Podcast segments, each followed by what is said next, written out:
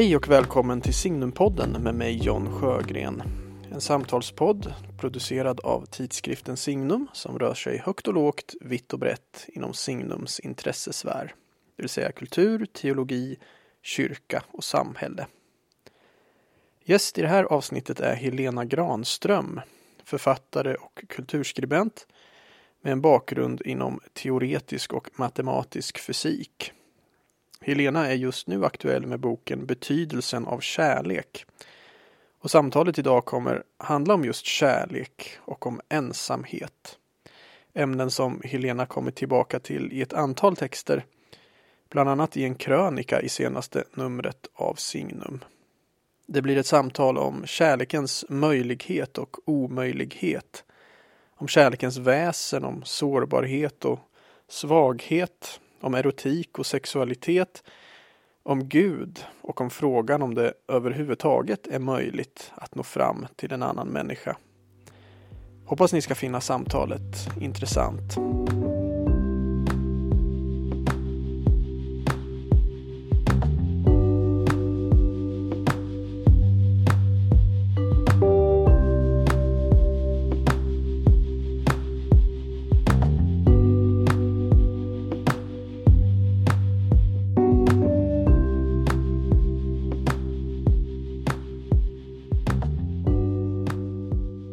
Alltså, som rubrik idag har jag sagt kärlek och ensamhet. Eh, jag tänker vi kanske kan börja med att prata om kärlek. Alltså vad är kärlek? Jag tänker eh, när man brukar göra sådana här samtal brukar man börja med att försöka definiera begreppen. Mm. Liksom vad, vad, vad är det vi pratar om? Men jag tänker kanske hela det här samtalet blir någon slags försök att definiera begreppen kärlek, ensamhet. Men om vi ändå börjar i den änden och, och, och för någon slags ingång ändå i samtalet. Alltså vad är kärlek? Vad, vad, menar du med det? Nu har du precis skrivit en roman här som heter Betydelsen av kärlek. Mm. Vad, när du säger det ordet, vad, vad, menar du? Eller vad tänker du på? Vad associerar du? Mm, alltså i, i den romanen så tänker jag att eh, för mig handlar den nog om längtan längtan. Eh, alltså det handlar kanske inte om kärlek så mycket som liksom eh, aningen om eh, kärleken som möjlighet eller liksom föreställningen om vad, vad kärlek skulle kunna vara. Och som då är en ganska oförlöst längtan tycker jag i den texten. Men eh, Ja, men kanske en avvikelse. Men nu så eh, läser jag eh, väldigt mycket om så sociala robotar. Alltså den typen av eh, robotar som används till exempel i äldrevården och sådär. Okay. Ehm, och där i den ehm, i det projektet så att säga, där man, där man ersätter människor med maskiner så märker man också att man liksom i den processen så omdefinieras en mängd olika begrepp som vi liksom annars använder för att beskriva mellanmänsklig interaktion, till exempel omsorg. Eh, kan, kan en robot ge omsorg eller kan en, en robot, kan man ha ett samtal med en robot och så vidare. Och där tänker jag att kärlek är kanske den sista bastionen. Alltså det kanske är det, det mellanmänskliga begrepp som vi, det, är liksom det mänskliga grundbegrepp som det, kommer vara det sista som vi ger upp på ett sätt. Och jag tror inte att det är, det är väldigt vanligt att människor säger att de, att de känner kärlek för, för en robot. Eh, det, det, det förekommer. Liksom, mm. Det är väldigt vanligt och det är nästan en, en integral del av de här det som man kallar för de här sociala maskinerna då, att man ska känna en sorts tillgivenhet till dem. Men det är en sak att, eh, eh, att säga att man tycker om någon, eller att säga, eller, eller något då i det här fallet, men att säga att det finns kärlek eh, mellan två personer.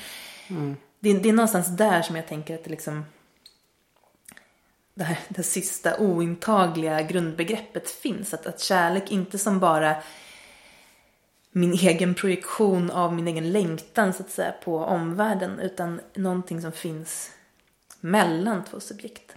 Och som är liksom eh, på ett sätt liksom lite gåtfullt och, och ogripbart just på grund av det. Att det är någonting som, eh, som uppstår just i det där mötet liksom och inte går att reducera till något som finns, någonting som finns inuti eh, parterna var för sig. Så att säga. Mm. Men det är ju en aspekt av kärlek och det är någon sorts grund, tänker jag. Alltså den där ömsesidigheten då mm. eh, är en sorts grund för mig för eh, begreppet kärlek. Men sen så finns det, eh, sen tror inte jag att den betyder så väldigt mycket om den inte åtföljs av en sorts praktik. Just det. Och det är också en annan, kanske mera liksom handfast då, bemärkelse av, av ordet kärlek. Mm. Än Den, den kärleksfulla handlingen då på något sätt. Just det. Som inte måste ha sin grund i den där eh, nästan liksom mystiska känslan av ömsesidighet. Men Nej. eh, Nej, precis. Nej, för jag skulle ju säga då att kärlek eh, inte i första hand är en känsla. nej. Utan just en praktik. Det är någonting man gör. Mm. Eh, kärlek är mer en en viljeakt än en känsla. Mm. Att kärlek är då mer att, att vilja och att också faktiskt verka för den andres bästa. Mm. Eh, och då går man ju bortom det här med eh, Jag är helt med på det här ömsesidigheten och, och, och känslan som finns i det. Men ytterst är kärlek inte den känslan. Alltså kärlek kan åtföljas utav Mm. Men sådana det där känslor. är ju Buber, eller hur? Han, han skriver ju någonting precis sånt att, att känslor åtföljer kärleken men utgör den inte eller någonting Just sånt. Och, men det, det han far efter tänker jag är någonting som också går utöver den här viljeakten. Alltså det, han, han tror jag söker mer det här som liksom uppstår mellan två personer. För, men kärleken som vilja, alltså tänker du att det är i vilken mån är det en medveten strävan då? Kan du, kan du skapa den där kärleken genom att bestämma dig för att liksom praktisera den i relation till någon annan? Eller är det någonting som ändå måste... Finns det en så att säga okontrollerbar grund? Eh, Jag, jag, jag, tänker på det ur ett teologiskt perspektiv och utifrån min, min kristna tro. Och där, Mm. där är ju liksom kärlek det allra mest grundläggande begreppet av alla. För Ja. att vi säger ju att Gud är kärlek. mm, Alltså att Gud är rakt igenom kärlek. Mm. Och vi är skapade till Guds avbild. Alltså så har vi den här kärleken. Vi, vi är skapade till kärlekens avbild. Så det, det, det som är ytterst naturligt för oss är att älska. mm, Eh, men sen är vi också fallna varelser som, som eh, gör att vi har på något sätt glömt bort det där. Alltså att det blir en strävan för oss ändå att göra det som till och med är naturligt för oss. Måste vi ändå anstränga oss för att göra. Men har kärleken en annan innebörd då? När den rikt, alltså kärleken som ett förhållningssätt till världen då å ena sidan och å andra sidan kärleken som riktar sig mot en enskild person. Ja. I din närhet, alltså, är det två olika innebörder av kärleken eller är det bara två manifestationer av på något vis samma kraft då i människan? Jag skulle säga att kärleken är alltid riktad mot något konkret, mot något specifikt. Mm. Jag, jag tror inte på det här. Jag tror inte man kan älska mänskligheten. Nej, nej exakt. För det är det jag tänker, att den ansiktslösa kärleken är på ett sätt betydelselös och kräver inte kanske så mycket av en heller. Nej, jag skulle säga att det inte är kärlek. Jag skulle säga att man kan inte älska så. Man kan bara älska det specifika. Mm. Jag kan inte älska liksom, för att mänskligheten är en, abstra, en abstraktion. Men jag kan älska dig. Eh, Mm. Just det. För jag, Men- för jag kan verka för dig, göra något gott för dig. Men du skrev också, jag tänker just i relation äm, associerar till eh, miljöbegreppet till exempel. Eller det, alltså den icke-mänskliga omvärlden då. Äm, den, i, i, när det handlar om att värna om den. Just. Är så om, då träder den ju ofta fram inför som en sorts abstraktion. Eller hur? Mm, Ska, mm. Ehm, och det skulle kunna vara en del av förklaringen till eh, att den kärleksfulla handlingen så att säga i allt väsentligt uteblir. Att Mm. enskildheten har liksom fått ge vika för en sorts kvantifierbar abstraktion. Alltså jag tänker att det är något, ehm, finns liksom ingen som älskar klimatet. Nej, just Det det. finns ingen som älskar miljön men det är ju fullt eh, möjligt att älska en, eh, en äng. Exakt. Precis. Ehm, Jo, eller, det- eller en skog och det är två väldigt olika saker och, och ehm, tror jag leder till väldigt olika Mm. handlingar. Mm. Nej men precis, jag skrev någon text om det där i svenskan för, Just det. för ett tag sedan. Just det. Och, och, och det var väl lite min poäng där att, att en del av klimatrörelsen blir de här abstraktionerna och då Mm. spelar man mycket på rädsla istället. Rädsla och, och att liksom allt ska gå under och de här stora begreppen som vi nästan inte kan ta till oss med klimatet Mm. och, och, och liksom naturen och allt. Det är, det är sådana stora begrepp. Jo men inte bara rädsla men jag tänker också att i den mån den här kärleksfulla handlingen skulle faktiskt ehm, kräva någon slags uppoffring eh, för en själv. Så är man ju inte beredd att göra den uppoffringen om det inte finns är någonting som faktiskt kan kallas för kärlek. Och Nej. just den kärleken har inte möjlighet att hysa till en abstraktion. Att det måste Mm. finnas någonting som jag är uppriktigt i känslan vill försvara. Just det. Ehm, och, och det kräver i sin tur någon sorts relation till, Mm, till världen i sin, i sin konkreta. Eh, precis. Mm. Just det. Och då måste man få syn på, på liksom det, här, det här trädet. just det. Den här sjön. Det här. Mm. Eh, du skrev också en väldigt fin eh, eh, radioessä för eh, P1, Ops i P1. Där du eh, skrev mycket om Bober bland annat. Mm. Och han har ju ett bra, jag tror du tar upp det där att kärlek är ett jags ansvar för ett du. Mm. Just det. Och det här att kärlek innebär ansvar också. Jag tänker att det ligger lite gränsar till det här som, som jag säger, alltså att vilja den andres bästa och att också på något sätt ta, ta ett ansvar för den Mm. andre. Jag tycker det som jag... ehm, jag läste den här eh, Bobers Jag och du eh, ganska sent. Ehm, inte, inte jättelångt innan jag skrev den här sen. Och kanske på ett sätt vid rätt tidpunkt då. Men jag... Det som... Det som drabbade mig framför allt var att jag tyckte att han på ett så enormt exakt sätt beskrev just den här känslan av att... eh, att verkligen möta någon annan. Att, att det verkligen... eh, och det var nog någonting som jag inte hade förstått eh, var möjligt på det sättet. Eh, faktiskt. Men sen tycker jag att han gör någonting annat som också är att... Eh, att kännas vid liksom dubbelheten också i den där. Han, han skriver eh, någonstans också att ingen annanstans eh, existerar det dialogiska och det monologiska så nära in på varandra. Och, och ingen annanstans strider de på, på ett motsvarande sätt med, med varandra. Och det, det finns ju väldigt mycket, om man, om man liksom pratar om den erotiska kärleken eller den romantiska kärleken så finns det ju verkligen element, tänker jag, alltid av, och i i synnerhet liksom i förälskelsestadiet och ett, ett element av projektion på något sätt. Ett, ett element av också, alltså det finns ju någonting verkligen i det i sexuella begäret inte minst som är, det utger sig för att liksom rikta sig mot ett yttre objekt eller mot ett annat subjekt. Men, men det är också något väldigt inåtvänt. Alltså det är ju också eh, den egna kroppen och det egna jaget som liksom vill sin egen tillfredsställelse på något sätt. Och, och samtidigt så kan ju det begäret kan ju också vara del av en känsla eller en upplevelse som är genuint ömsesidig. Men att liksom allt det här är så sammanvävt, Ja, jag. så är det ju. Eh, och det tycker jag finns hos Bober. Och det, ehm, Mm. Men det knyter kanske inte riktigt an till det här alltså ansvaret. Bara det ordet liksom. Ehm, Men jag Alltså, tänker, ja. ja, nej, säg. Ja, nej, men jag tänker ändå att liksom ansvar har ju ändå en stor komponent i också det erotiska. Mm. Alltså, jag, nu tänker jag på liksom metoo och allting här va. Mm. Eh, att det måste, i även det erotiska mötet måste det finnas den här aspekten av att jag vill också den andres bästa. Mm. Det är absolut, jag menar ingen kan ju förneka våra begär och att det finns en, en någon slags egen kärlek där. Eller att jag i alla fall vill få mina eh, behov tillfredsställda. Mm. Men om det bara blir det, det är då vi kan börja utnyttja andra människor. Mm. Och objektifiera andra människor. Den här kärleksaspekten måste också finnas med i det erotiska. Annars så hamnar man fel. Och det är det jag tänker man, vi har sett mycket nu då i metoo och så här va.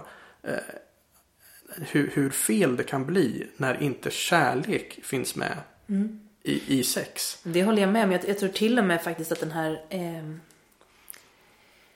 motsättningen, att man tänker att det egna, den egna längtan eller det egna begäret står i en liksom direkt opposition mot liksom omsorgen eller ansvaret. Det tror jag i sig är en konsekvens av att man också har liksom spjälkat upp människan. Att, att inte kärleken är en sorts självklar grundförutsättning faktiskt. För jag tycker också att det som i en i ett sammanhang skulle kunna te sig som en sorts nästan liksom mekaniskt eh, begär i en annan eh, situation kan få en sorts mening. Just det. Så att den där eh, motsättningen också upplöses på ett sätt. Ja. Att liksom omsorgen om det egna jaget inte, inte blir ett, hot mot omsorgen Nej. om den andra så att säga. Absolut, det håller jag helt med om. Och jag ser verkligen, det, och det kan vara liksom viktigt också att säga som, som kristen röst på något sätt. Att, att jag menar att, att det erotiska mötet, det, det är på något sätt nästan höjden utav kärlek. Alltså det, det är det yttersta uttrycket för det. Så det är, eh, detta, vi kan komma in på det nu kanske då, för att jag menar en annan om jag skulle säga att det ena med, med hur jag tänker om kärlek är det här att vilja den andras bästa så skulle jag säga att en annan aspekt är det här med extas. Alltså att gå ut ur sig själv, att nästan glömma sig själv. Ja. Eh, och att liksom helt gå upp i den andra. Inte bara vilja den andres bästa utan nästan att mitt jag försvinner i den andra. Och det mest intressanta med det är inte det också att den vägen alltså till extasen då, att vägen ut ur sig själv på något vis också går genom att gå så djupt in i sig själv som bara är möjligt. Att det, liksom, det finns i en en väg ut Mm. eh, på något sätt. Det tycker jag är väldigt fint. Ja men det är ju som en mystik upplevelse. Jag skulle ju säga att liksom det erotiska mötet när det, när det liksom funkar som det ska. När det är på sin höjdpunkt. Då är det en mystik upplevelse. Jag skulle säga att det är där också den här gudslikheten jag pratar om blir som allra mest tydlig.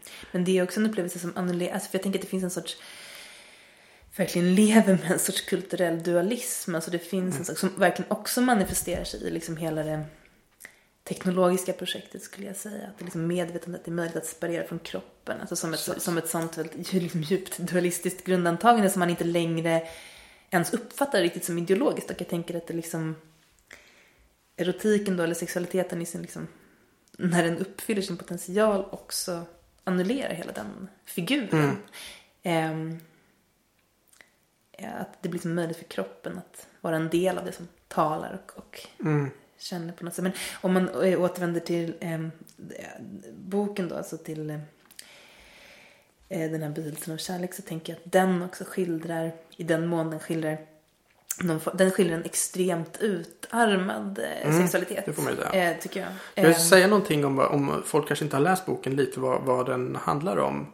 Eh, du du kan, jag kan göra ett försök så Ja, får gör du det, så säga. För jag- det, det kan kan vara svårt det som författare själv kanske. säga. Ja, får gärna göra det. Jag uppfattar den som en, nästan som en essäroman. Mm. Det, det, det finns då en berättelse, en, en eh, kvinnlig skribent som, som har en rad olika förhållanden med olika män. Eh, och de funkar väl mer eller mindre dåligt kan man säga. Eh, och sen då parallellt med det så finns det eh, eh, en slags då essä eller man ska säga om kvantfysik. Som ju är något som du ofta har, återkommer till i många texter. Eh, och, men du får ihop det där på ett väldigt bra sätt för att det som jag uppfattar då som grundfrågan på något sätt i, i både det här kvantfysikaliska som du håller på med och men också de här berättelserna om de här olika männen är Alltså man kan formulera så här, är extas möjlig? Finns det, alltså den här Ja, extas i den existentiella bemärkelsen. Ja, då. precis. Och den här frågan mellan inre och yttre, går det att överskrida den? Alltså finns det verklig kontakt? Eh, för den här kvantfysiska väcker de frågorna också, det här med inre och yttre, vad, vad, vad är verkligt och sådär.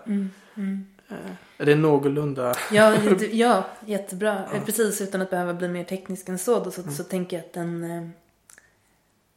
Nej, men den, här, den rör sig väl mycket också kring eh, begreppet verklighet och, och liksom en sorts... Alltså mitt, de här olika relationerna som gestaltas då, den här, det här kvinnliga berättarjagets relationer till de här olika männen. ehm, hade jag en tanke om att i varje sån relation eller person så skulle liksom en typ av klyvnad av världen eh, eh, gestaltas på något sätt. Alltså en, antingen att uppleva en sak väldigt starkt i sitt inre men förmedla någonting annat utåt till exempel. Eller att två personer har helt olika upplevelser av samma yttre skeende. Eh, och så vidare. Att det finns eh, väldigt många olika sätt både i det inre och, och i det yttre där, där liksom världen kan... Där det finns en väldig dubbelhet liksom i. Eh, och frågan är om den här klyvnaden då, eller den här klyftan, om den kan liksom överbryggas. Men jag tänker en sak som jag, en erfarenhet som jag, jag tycker att jag har jag fick barn. Eh, då ett, jag hade nog väldigt länge tänkt på min egen känsla som någonting som jag var tvungen att strida mot. Alltså, jag, em, kunna till exempel ha upplevt att jag kände fel och sådär. Det här är ju egentligen bra. Så varför känns det inte bra? Sådär. Att jag, eh, känslan som någonting som inte kanske riktigt fungerade som en vägledning utan snarare var en sorts hinder. Eh, eh, tror jag. Att jag kan, jag har tänkt på det så. Och någonting som jag tyckte var underbart faktiskt när jag- fick mitt första barn var att jag kände att det fanns en otroligt, det uppstod, alltså jag fick en enorm tillit eh, till min egen känsla för jag upplevde så starkt att det fanns en koppling mellan eh, det inre och det yttre i bemärkelsen att vad jag kände var rätt i relation till mitt barn stod i liksom direkt förbindelse med vad mitt barn behövde. Och det var också en känsla som liksom utvecklades i takt med att barnet växte så förändrades också min, min känsla av att, vad som var rätt. Så att säga. Och dessutom så kände jag att för mig var den känslan så enormt stark. Och allting annat än att följa den hade varit fullständigt skräckinjagande. För då hade det liksom blivit helt godtyckligt. Då skulle jag behövt fatta någon slags intellektuellt beslut om, om, om vad som var rätt i den här situationen som ju kändes så otroligt viktig liksom och, och avgörande. Men jag kunde överlämna mig till den här känslan och jag hade verkligen också en stark upplevelse av att den ledde mig rätt. Så det var nog eh, i vuxen ålder då min första starka upplevelse av att det kan, nu är det förstås en väldigt speciell förbindelse eh, med ett barn, men att den ändå var möjlig, den förbindelsen mellan inre och yttre. Att, ehm, att den vägledning som man får från det inre verkligen kan eh, leda en rätt och, och vara klok då på något sätt Just i, det. i det yttre. Och det finns väl ett spår av längtan efter just det tror jag. Att, att tänka sig en förbindelse, alltså en, en förbindelse mellan vuxna människor då som där det finns ett motsvarande element av att det som liksom ropar inuti mig på något vis har eh, det ropet har en sorts en motsvarighet i det yttre. Mm, just det. Ehm, Och det, då för att återknyta till eh, begreppet ansvar. Så just det där med svar. Alltså det är Ja, ett fint ord. Det, just. är ett ord som också väcker en sorts, eh, som också det bär på, på en sorts eh, tanke om ömsesidighet tänker jag. Visst, så är det. Ehm, att svara mot, mot någon annan då på något sätt. Mm. Eh, och... Ja, men det, Ja, eh, det kräver också en sorts eh, alltså, lyssnande och lyhördhet. Alltså, jag tänker att det finns som ett kluster av sådana här begrepp som på något vis inte riktigt är möjliga. När man kommer närmare dem så är de inte riktigt heller möjliga att separera från varandra. Nej, så är det. Nej, precis. Alltså jag tänker det där med liksom ansvar och, och, och det här kan det inre och yttre överskridas. Kan man verkligen nå varann? På ett sätt tänker jag att eh, ja, det tror jag att man kan. På något sätt vill jag, vill jag tro det. det. Att extasen liksom är möjlig. Eh, men på samma gång tänker jag att det finns det här att vi aldrig riktigt når fram till någon annan människa. Det är också ett slags respekt för den andra människans mysterium. Alltså jag kan ju leva ett helt liv med en människa. Men aldrig lära känna den helt och hållet. Nej. Och det finns alltid någonting som är oåtkomligt och som förblir ett mysterium för mig. Även med den människa som jag känner allra, allra bäst och kanske älskar allra, allra mest. Och det är någon slags, det finns en respekt där då för den människans helighet nästan skulle jag vilja säga då. Eh, Så på ett sätt är det kanske en god sak att den där mötet aldrig liksom helt och hållet kommer till stånd. Nej, men det är väl just det som är så skapar ändå en sån liksom förundran. Alltså just att snudda vid någonting annat som också är genuint annat. Alltså som Precis. verkligen inte är jag. Och att man ändå kan vidröra varandra. Jag tänker att det där också, att vi också Bobo då, när han liksom den här distinktionen då mellan jaget som det blir till i relation till ett det. Och, och jaget som det blir till relation till ett du. Och att det verkligen är två olika jag som ingår i de här eh, begreppsparen också. Det är liksom inte samma jag som möter världen som ett det. Som, Nej, som det är jag som möter världen som ett du.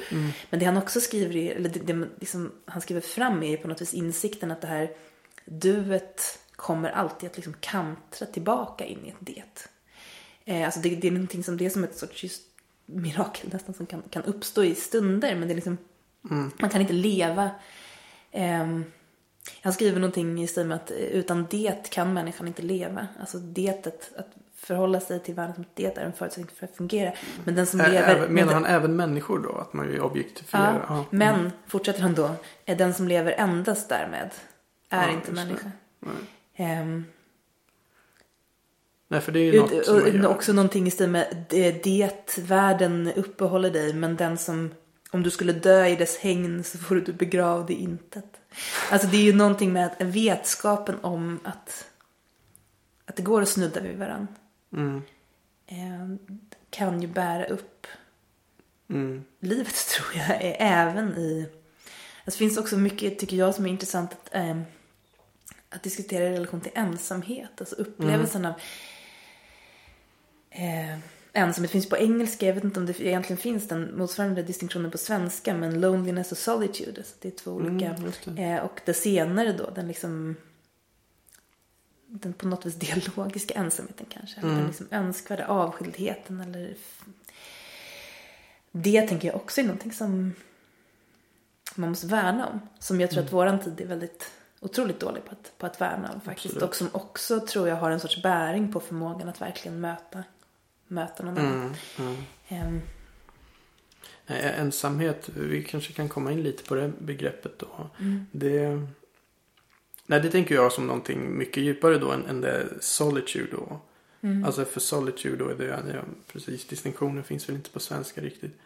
Eh, den är ju nödvändig tror Mm. jag. Jag skulle säga, jag, personligen så har jag stort behov av det. ja. Alltså jag kan bli verkligen socialt utmattad sådär av, av så. Eh, Och behöver mycket solitude. Men ensamhet är ju någonting helt annat. Det, det är ju det här att känna sig isolerad från andra människor och inte riktigt nå andra människor. I synnerhet i andra människors sällskap, ja precis. Precis, att man är, precis, känner sig ensam även i andra människors sällskap. Precis. Och det, eller nu avbröt jag det kanske. Men jag Nej. tänker också i boken så, det finns ju ett, ett, ett jag ett försök att skriva fram det tror jag. Men också apropå, det är egentligen intressant att stanna vid det där. För att just relationen mellan liksom kroppen och själ. Det blir så otroligt tydligt att i en intim kroppslig närhet, den andras kropp är i min kropp. Liksom, och den ensamheten består.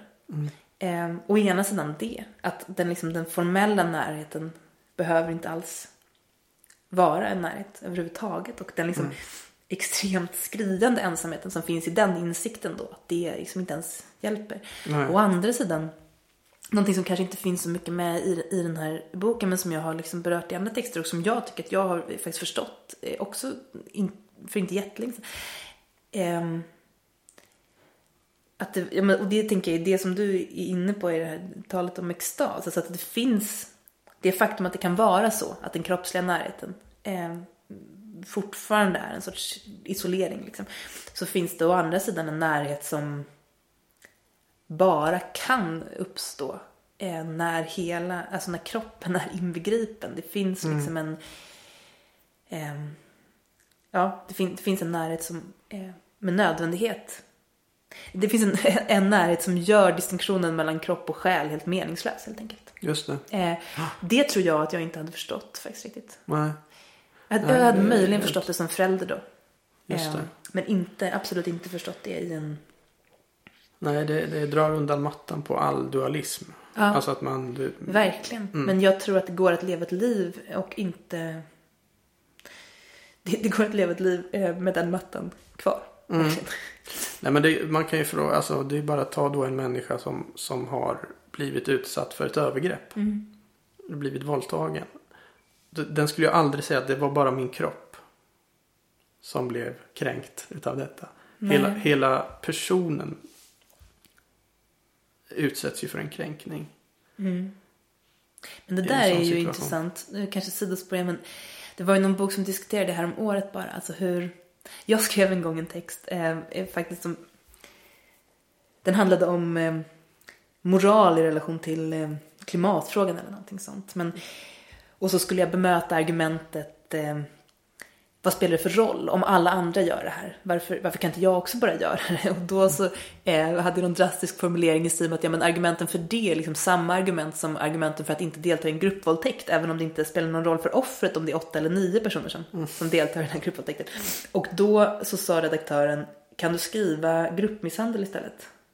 Därför att det här blir jobbigt att läsa för den som har blivit gruppvåldtagen. Mm. Jag tänker, jaha men då blir det väl jobbigt att läsa för den som har blivit misshandlad då. Mm. Men det är som att också det faktum att det finns en sexuell komponent eller en komponent som kanske inte egentligen ska kallas sexuell men som ändå på något vis våldför sig på just den aspekten av människan. Att det gör den här kränkningen djupare. Alltså det tänker jag är en, en, em, det tycker jag är intressant. Jag, vet- jag är inte säker på om man ska problematisera den föreställningen eller inte. Nej, jag, men den, jag, tror att den är helt sann. För att, Ja. för att eh, det är eh, som sagt mest intima och Men är inte det också just för att sexualiteten har den här liksom sköra potentialen att vara just det här som länkar samman Absolut. allt i Mm. människan på något sätt. Och Precis. jag tänker att det verkligen är en potential som som sagt kan förbli outnyttjad Mm. genom ett liv. Alltså Precis. jag tänker att man har tur om man har realiserat den. Ja. Verkligen. Och Men, när, eh, och när den kränks liksom, så blir det en sån oerhört djup mm, kränkning som är det, man ska ju aldrig hålla på och jämföra vad, vad som är det värsta men, men eh, jag tror många liksom intuitivt känner det att, att en kränkning av, av liksom sexuell natur är, Mm. är nästan det värsta Men har du, haft en, hur, hur, har du haft den här upplevelsen av eh, men just det där, eh, den där extas, alltså den här väldigt, eh, det är en sorts idealbild av sexualiteten tänker jag. Mm. Att den har en sorts, eh, en existentiell natur som liksom inte utesluter kroppen utan gör den inbegripen i Mm. en sorts eh, mysterium. Alltså den, har, har, det varit en upptäckt för dig att det är så? Eller har du liksom levt, har du haft den känslan? Ja, jag förstår precis vad det Ja, ja, men du har, inte, du har inte Men- alltid levt i den känslan av att den här potentialen finns. Vad jag menar är eh, den här uppspjälkningen av kropp och själ. Tänker jag att väldigt många lever. Har du Mm. Ja. gått från den till någonting annat? Eller men har jag- du jag haft kan- den här jag känslan av enhet liksom? Nej, jag kan känna som att man eh, pendlar mellan den. Ja. Alltså att eh, jag lever inte alltid så. Alltså, nej, man eh, blir inte av med, nej, nej, det, det tror jag det inte. ena ersätter Nej. inte det andra Nej, det, utan det man tror jag inte. anar utan någonting annat. Och sen det, man, det, liksom, i, i, ibland är man där, där man förstår vad, Ja. vad livet är. Så att säga. Ja, och, sen, och ibland är man inte det. Nej. nej, och precis som man bara för att man har förstått eller kommit till insikt om någonting eh, och vet att så här borde det vara. Mm. Ja, så så, så är det inte att att man alltid gör så. så. Det är Nej, ju liksom verkligen. ideal och verklighet och det vi kallar synd då på, på kristet språk. Att, att vi alla vi, vi klarar inte att leva upp, leva det som vi vet Mm. är sant. Jag tänker också på det här hur att man objektifierar andra också. Att jag vet Mm. att du är ett subjekt. Eh, men det hindrar inte att jag nästan dagligen också objektifierar andra människor och använder dem för mina egna Syften. syften Ja. och, och liksom så. Men, jag, men någonstans vet jag ju, jag vet samtidigt att det är fel att jag gör det. Mm. Men det kan, därför kan det också tänka finnas någonting eh, smärtsamt. Det tänker jag är också utgångspunkten för den här eh, radioessän. Att det liksom, på ett sätt är det lättare att leva i föreställningen om att det inte finns någonting större. Det, är, ehm, att aningen om att det gör det, att det finns någonting som också är delvis oåtkomligt för en. Alltså någonting som man verkligen inte har. Någonting som på ett sätt förklarar all ens längtan men som man faktiskt inte e- egentligen, som det inte står i ens makt heller. Att, att liksom, som man kan försöka nå, men det finns inga garantier för att man någonsin kommer, kommer att nå fram. Att det finns något väldigt plågsamt i det. Också, Den aningen om att det finns någonting eh, större som man inte har eh, kontakt med riktigt. Absolut.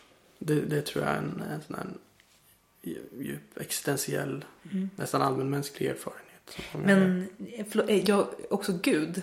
Ja, Jag Gud. Ehm, jag, jag tänkte att vi skulle avsluta med Gud, men Ja. vi kan ta Gud nu. Okej, Ja, då ja, lite ja. försmak av Gud. För, för Ja. jag, men då för, ehm, exakt, för det är någonting som jag tänker på. Just i relation till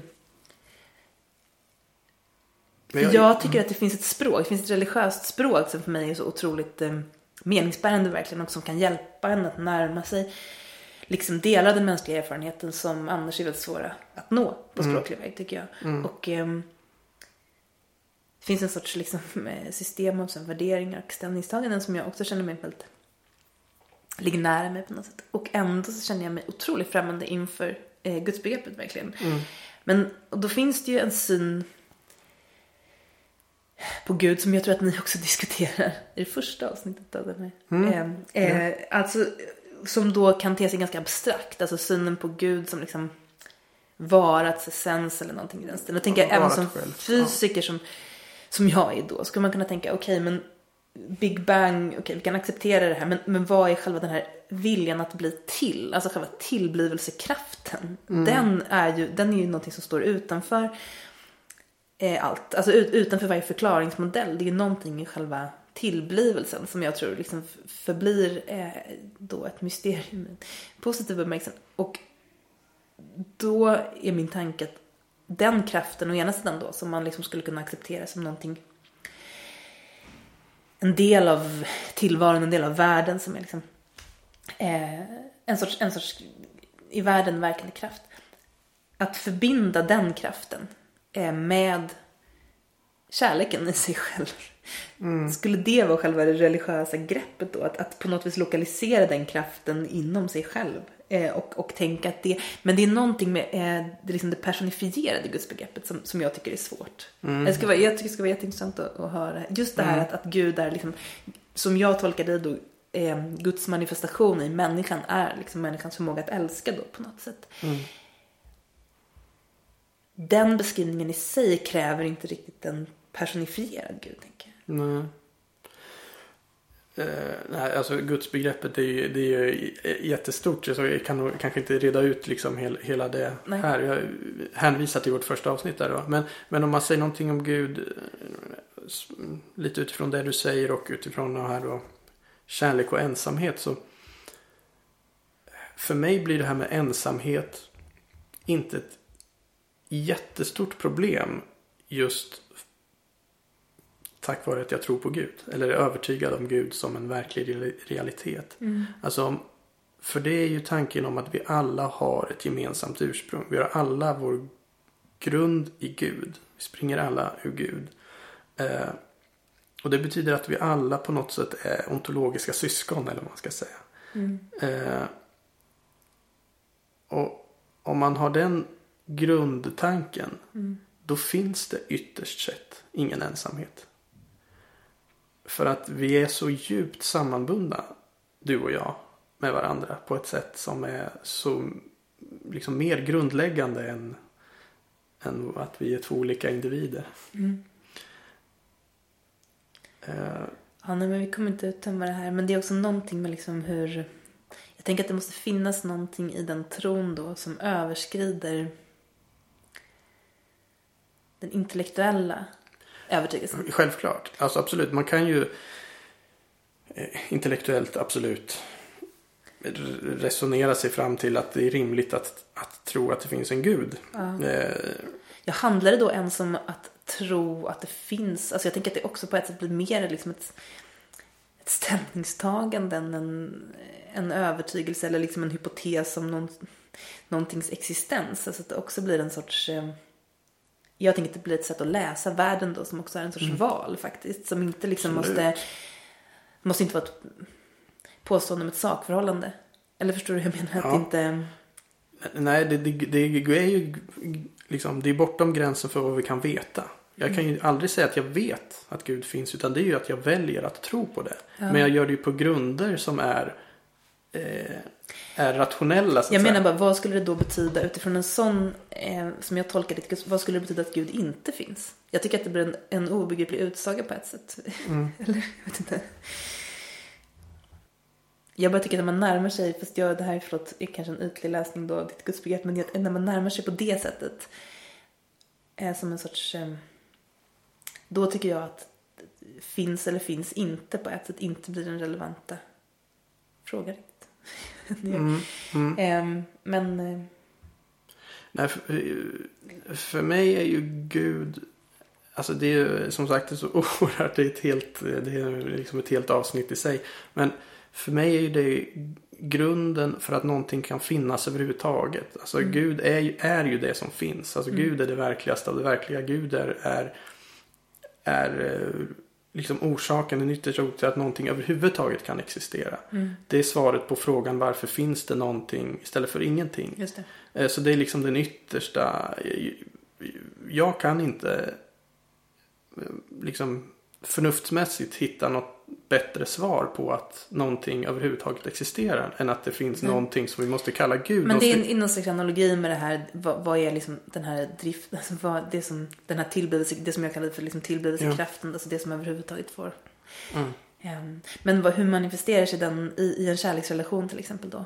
Alltså vad, för då tänker jag att det är ganska lätt att, att förstå Gud som en sorts eh, strävan kanske Mm. i, i en själv. Eller förstår du, det, det är lätt att, att förstå det som, men, men som det blir, Finns det också en tredje part i, i en kärleksrelation för dig då, där, som, som är just Gud liksom. Förstår du? Är det, är det Jag, jag skulle säga att, att vi, är, vi är en del utav Guds relation. Alltså, och det, här kommer vi in på uppenbarelsen. Alltså här, det här är inget som vi har eh, resonerat, människan kan resonera sig fram till. Nej. Utan Gud har också uppenbarat sig för oss. Och det är ju där vi blir, vi kommer in på kristen religion. Alltså att Gud har uppenbarat sig genom Jesus. Och där har han visat för oss, det här skulle vi aldrig kunna komma på själva, att han, var, att han är treenig. Alltså att Gud i sig själv är en relation. Det, är- det är där, där är grunden för att vi säger att Gud är kärlek. Att Gud är inte bara en, en liksom monolitisk enhet.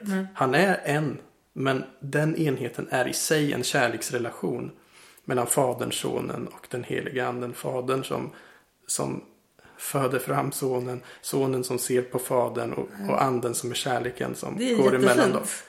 En, eh, det jag tycker är jättefint, en varelse som i sig är en kärleksrelation. Jag har inte riktigt hört den.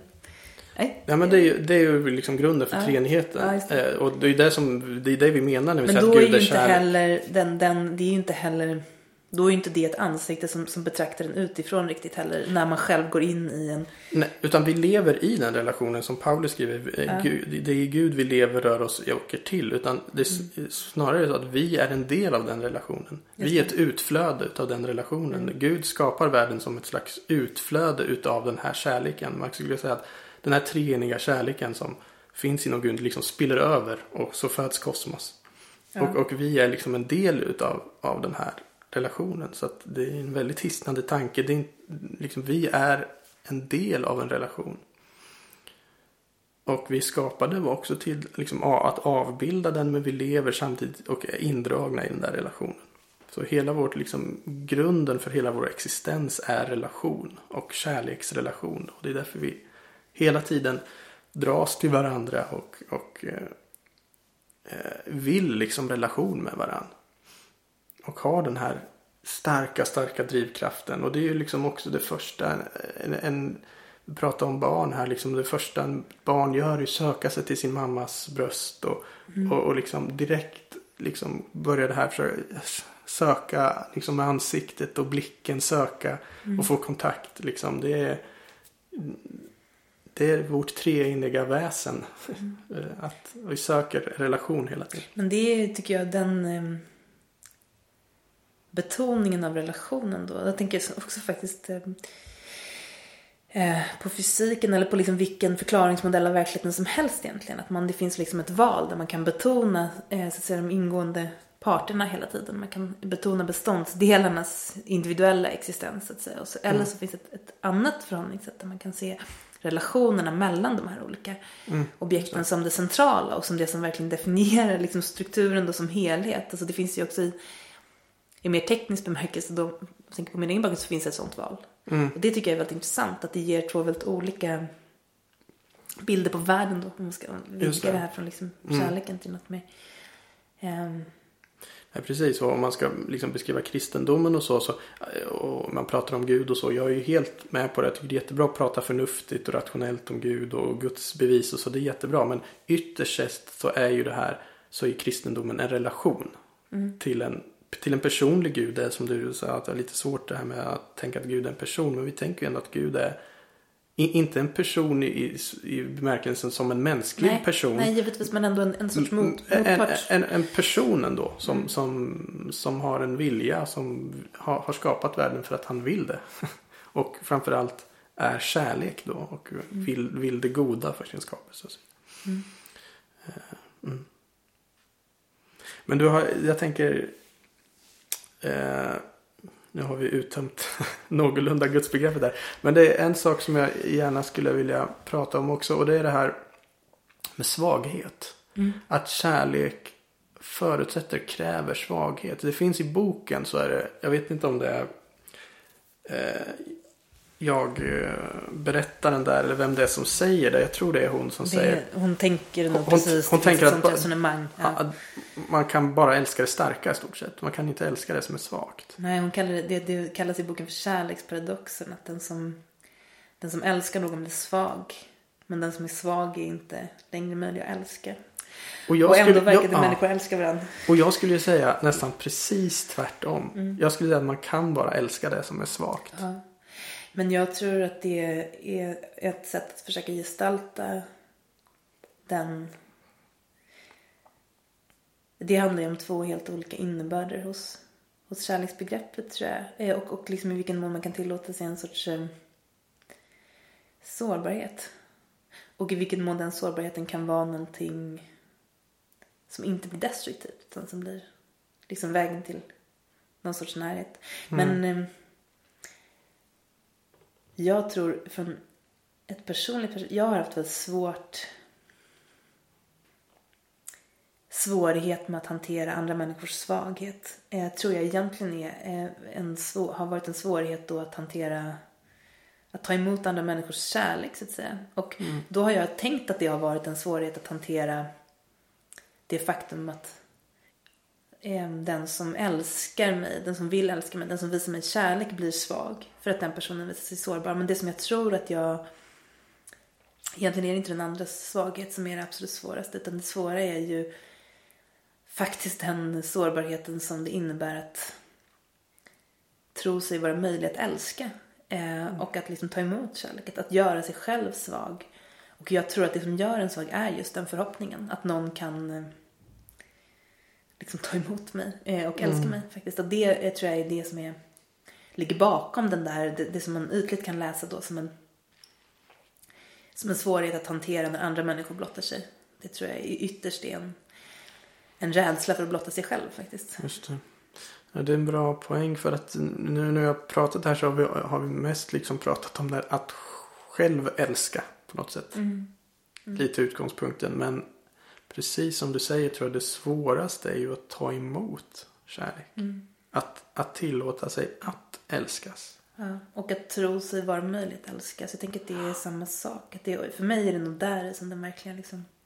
Och jag tror du är helt rätt där. Alltså det har med, med det här med svaghet att göra. Alltså, för man tänker sig jag, jag ska vara stark. Jag behöver inte kärlek. Jag behöver inte älskas. Precis, men frågan är om det inte i det där behöver inte finns en, en, en, en ton, ett stråk av eh, kommer inte att kunna älskas. Kan inte bli älskad. Nej. Alltså jag, ehm, det är i alla fall ett, ett, ett väldigt kraftfullt sätt att gardera sig mot den möjligheten så att säga. Genom att vägra ehm, ja. Och det är, jag tror att kärlek också får en sin fulla innebörd är när den ges till en från någon som man verkligen har blottat sig för fullt ut. Alltså det är väl också därför den här, liksom, det finns en sorts ytlig bekräftelse som man kan, kan söka eh, och, och få. Ehm, men den når ju liksom inte fram. Jag tänker att den kärlek som ges till en just från den som har sett den sårbar och svag och i viss mening liksom oälskbar och som ändå älskar den liksom. Att det är, det, det är den Inte kärleken som verkligen... ja. Nej precis. För det är man ju inte alltid. Nej, Nej. Men jag, jag tror det där, där är... Och den som liksom framhärdar i en sorts kärlek, eh, uppriktigt känd kärlek trots det. Det är den typen av kärlek som jag tror verkligen kan ta sig in igen på djupet. Mm. Eh, faktiskt. Nej, men jag tänker på, ja men så tror jag verkligen det är. Alltså, här äkta kärleken är på något sätt att, att ha genomskådat någon. Men älska den ändå. Just det. Och, och, Det finns också någonting som jag tror att jag nämnde, alltså att älskas eh, för den man är eller att älskas trots den man är. Att det också finns någonting där. Att liksom föreställer man sig att förutsättningen för att kunna bli älskad är att man håller undan sina sämre sidor. Liksom håller undan sin svaghet. Eller, eller vågar man då eh, träda fram inför den andra i, och det är väl det som är liksom förlösningen i den här texten då. Att, eh, träda fram inför den andra i all sin felbarhet liksom och ändå tro sig vara möjligt att älska. Alltså det, det tror jag är den yttersta svagheten faktiskt att göra det, den yttersta sårbarheten och det kanske bara är den som kan eh, det är kanske bara så man kan närma sig livet liksom. Ja, jag, tror, jag tror mycket på det. Alltså, jag tror... Det, det finns ju en viss, om man ska säga, romantisering kring den romantiska kärleken också. Tycker jag idag. Och jag kan tänka mig att det beror på lite för när, man blir förälskad i någon. Då ser man ju inga fel hos den. Nej. Den här första fasen är ju att den här personen är perfekt. Eh, men när förälskelse ska gå över till kärlek. Då då är det ju den där gränsen som man passerar att och, och oj, jag upptäcker att den här personen var inte perfekt. Nej, det där är ju också otroligt intressant. Vad har förälskelse med kärlek egentligen att göra? Är den bara en väg till kärlek? Eller är det liksom är det två väsensskilda saker? Är, liksom, är kärleken en fördjupning av förälskelsen eller är det två är det någonting genuint annat liksom? För som du beskriver det där så är det ju som att förälskelsen egentligen bara är öppnandet av blicken för den andra så att säga. Men att kärleken som möjlighet är något som ligger egentligen Jag, jag tänker ändå att de hör ihop på något sätt. Alltså att, att eh, den här förälskelsen det är den här liksom första fasen av eh, ja, men intresse och liksom hänfördhet och, och liksom wow.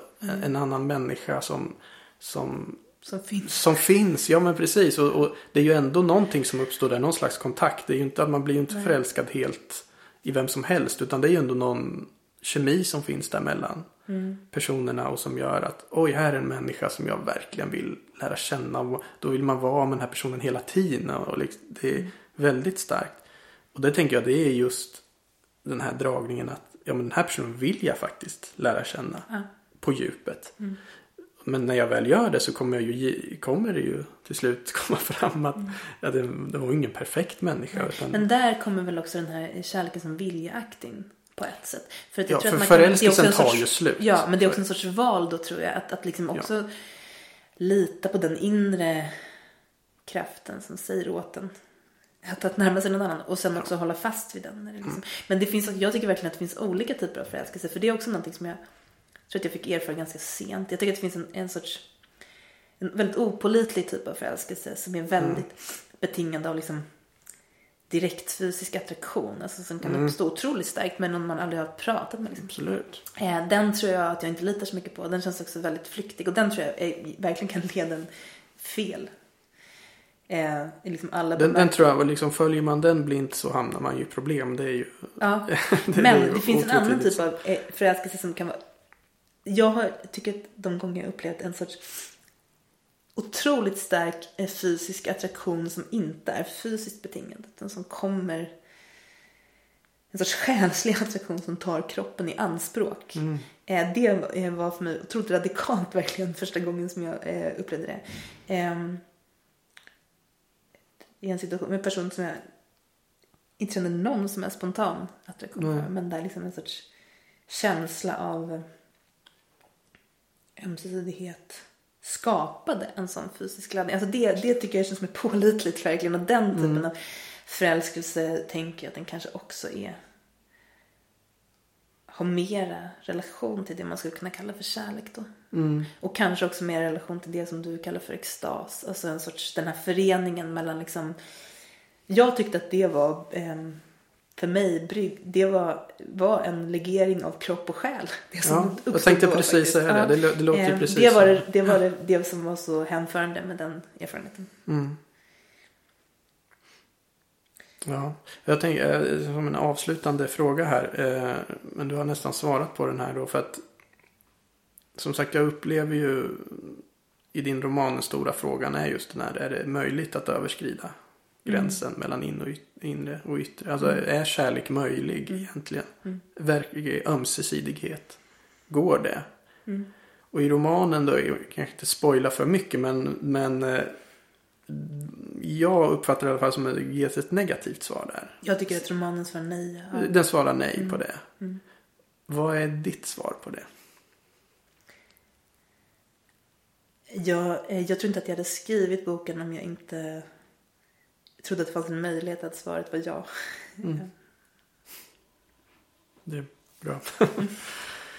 Tack Helena Granström för att du gästade Signumpodden. Tack. Och eh, tack alla ni som har lyssnat och eh, lyssna gärna på oss igen i nästa avsnitt. Hej så länge.